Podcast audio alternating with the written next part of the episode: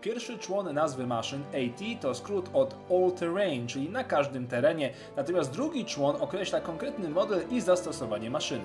Pojazdy poruszające się na wszelkiego rodzaju nogach czy też kończynach i mające zastosowanie głównie, choć nie zawsze militarne, nazywane są po prostu walkerami. Republika czy Konfederacja posiadały swoje modele walkerów, jednak najbardziej znane są oczywiście te powstałe już za czasów Imperium Galaktycznego. Przyjrzyjmy się wszystkim modelom po kolei. Przy wymowie jednostek trzymam się oryginalnej pisowni, gdyż nie wszystkie jednostki posiadają polskie odpowiedniki. Za błędną wymowę z góry przepraszam.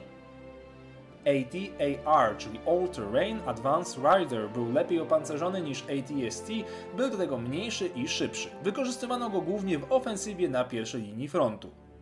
AT-AA, czyli All Terrain Anti-Aircraft, to maszyna przeciwlotnicza, bardzo szybka, przemieszczająca się na czterech nogach charakteryzowała się bardzo nisko zawieszonym pokładem dla pilota. Trzy wieżyczki rakietowe mogły prowadzić ataki jedynie do obiektów w powietrzu, jednak pojazd był wyposażony w otwory strzelnicze, z którego załoga mogła prowadzić ostrzał do naziemnych celów. AT-AT, czyli All Terrain Armored Transport. Tego modelu przedstawiać nie trzeba. Czteronożny gigant był prawdziwym potworem wśród maszyn ofensywnych, choć miał swoje słabe punkty. Bardzo mocno opancerzony, przewożący na pokładzie zastępy szturmowców w liczbie 40, mierzył 22,5 metra wysokości i charakteryzował się bardzo wolnym krokiem ale nadrabiał to siłą ognia w postaci dział blasterowych. Do tego mógł wziąć na pokład do pięciu ścigaczy i masę innego uzbrojenia.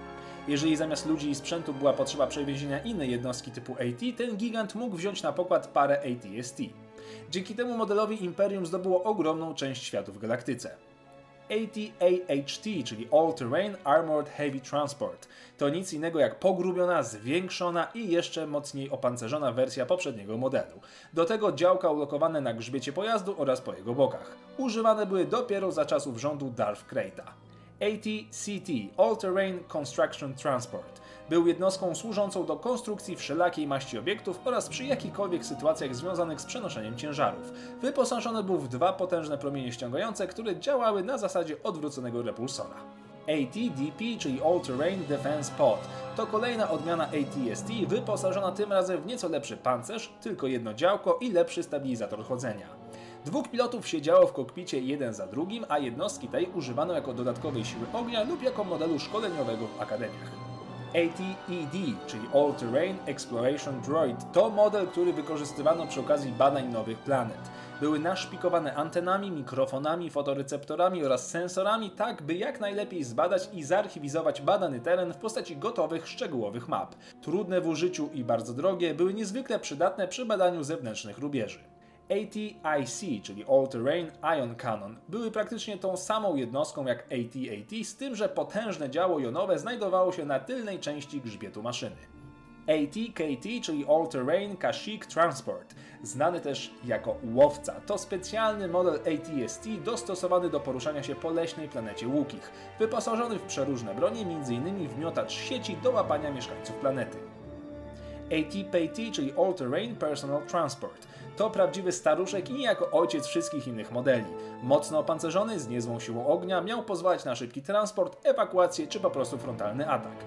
Do kokpitu zasiadał tylko jeden pilot. Na wyposażeniu była też antena o dalekim zasięgu. Powstały jeszcze za czasów Republiki i jak mówiłem, zapoczątkowały całą serię kolejnych maszyn typu AT. AT-RCT, czyli All Terrain Riot Control Transport, to ciekawy model przypominający nieco AT-PAT, ale z otwartą kabiną dla dwóch pilotów. Używany był głównie w dużych aglomeracjach do kontroli tłumów. ATST, czyli All Terrain Scout Transport, to drugi klasyk na tej liście. Ten model cechowała wszechstronność zastosowania, całkiem niezły pancerz i dosyć lekka waga. Jego główne przeznaczenie polegało na szybkim zwiadzie, nagłym ataku i wycofaniu się, aczkolwiek wykorzystywany był przy ogromnej ilości sytuacji, od ataku na bazę Echo na Hof, czy do kontroli tłumów w dużych miastach. ATST/A, czyli All Terrain Scout Transport Assault. To wariacja poprzedniego modelu, z tym, że mocniej opancerzona i nieco niższa. Posiadał jedno, ale za to mocniejsze działko blasterowe, ponadto lepszy system stabilizacji i dodatkowe zamykane włazy obserwacyjne dla załogi. MTAT Mountain Terrain Armored Transport to jeszcze inne cudo, tym razem dostosowane do pokonywania dużych wysokości i bardzo niedostępnych terenów. Maszyna posiadała 8 odnóży, które bez problemu wczepiały się w prawie każdą nawierzchnię i pozwalały maszynie wspinać się nawet po pionowej ścianie. Istniała również mini wariacja tego modelu zwana Mountain Terrain Scout Transport, czyli MTST, która służyła do transportu niewielkiej załogi po trudnych górzystych terenach oraz służyła za model ćwiczebny. Istniało jeszcze kilka wersji Walkerów, jednak większość z nich była już spuścizną technologiczną po Republice, którą przejęło Imperium, jak choćby SPMA czy SPHA albo CAP-2 czy Droid Mark I, ale o tym pogadamy w innym odcinku. Dzięki za oglądanie i niech moc będzie z Wami.